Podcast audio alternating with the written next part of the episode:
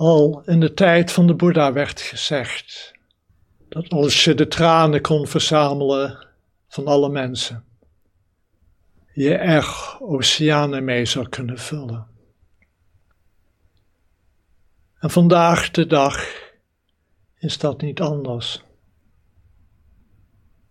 De aardbeving die Marokko nu getroffen heeft, laat vele mensen ontheemd achter.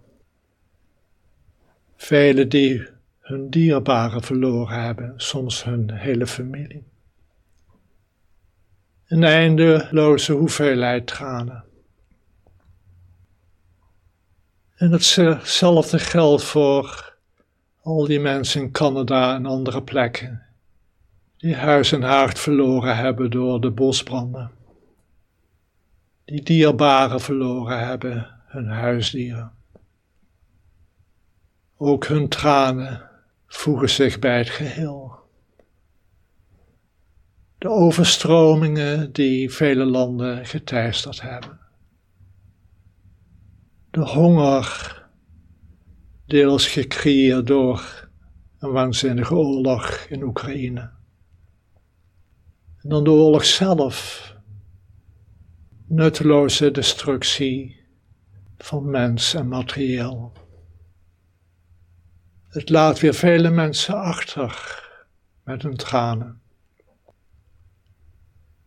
En dit alles ziende en het soms ook van dichtbij meemaken. Al was het maar omdat je eigen dierbaren overlijden door ziekte, door ongelukken, door geweld. Dit alles ziende kan soms overweldigend zijn. En kan je niet anders dan met je eigen tranen ermee zitten. En het is dan ook niet verwonderlijk dat de Boeddha het lijden als zijn voornaamste spirituele doel maakte. En uiteindelijk is het boeddhisme de weg voorbij het lijden. Want in dit alles is er een weg die we kunnen gaan. Een weg voorbij het lijden.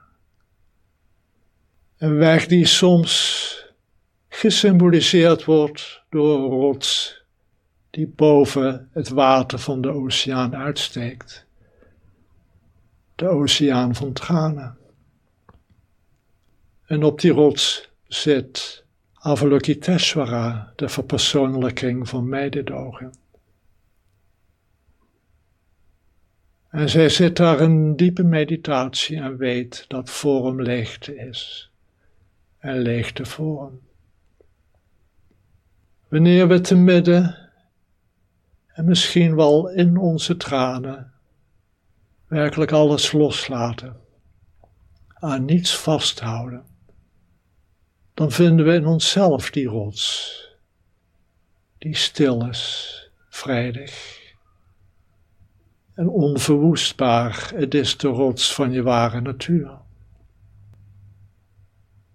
En dat eenmaal gevonden hebbend, weet je dat ieder dit met zich meedraagt. En de vormen komen en gaan, maar die rots is tijdloos. Nu zouden we de vergissing kunnen maken om dan maar de rest van ons leven veilig op die rots te blijven zitten. Wat we dan begrepen hebben is vorm is leegte. Want er is ook leegte is vorm. We zullen ons inzicht vorm moeten geven in hoe we met de vormen omgaan. Als vorm alleen maar leegte is, als er alleen maar rots is, is de rots leeg. Avalokiteshvara, de verpersoonlijking van mededogen, verschijnt alleen maar wanneer we ook beseffen dat we mededogend kunnen handelen in de wereld van vorm. Dat hoe we ook helpen, mensen troosten, mensen een onderdak bieden, een toevlucht bieden. Uiteindelijk doen we het vanuit het innerlijk besef dat ieder de rots in zich draagt, de toevlucht in deze zee van lijden, in deze zee van tranen. Dus onze beoefening doen we voor onszelf en voor de wereld.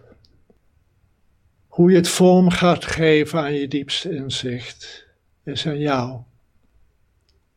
Het begint al met de eerste, de beste die je tegenkomt.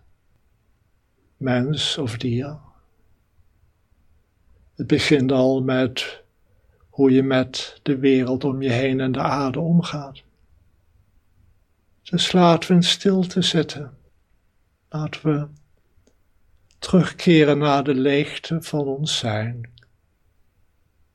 Die rots vinden, zodat we heilzaam in de wereld kunnen handelen. En misschien iets kunnen bijdragen om die zee van tranen wat kleiner te maken.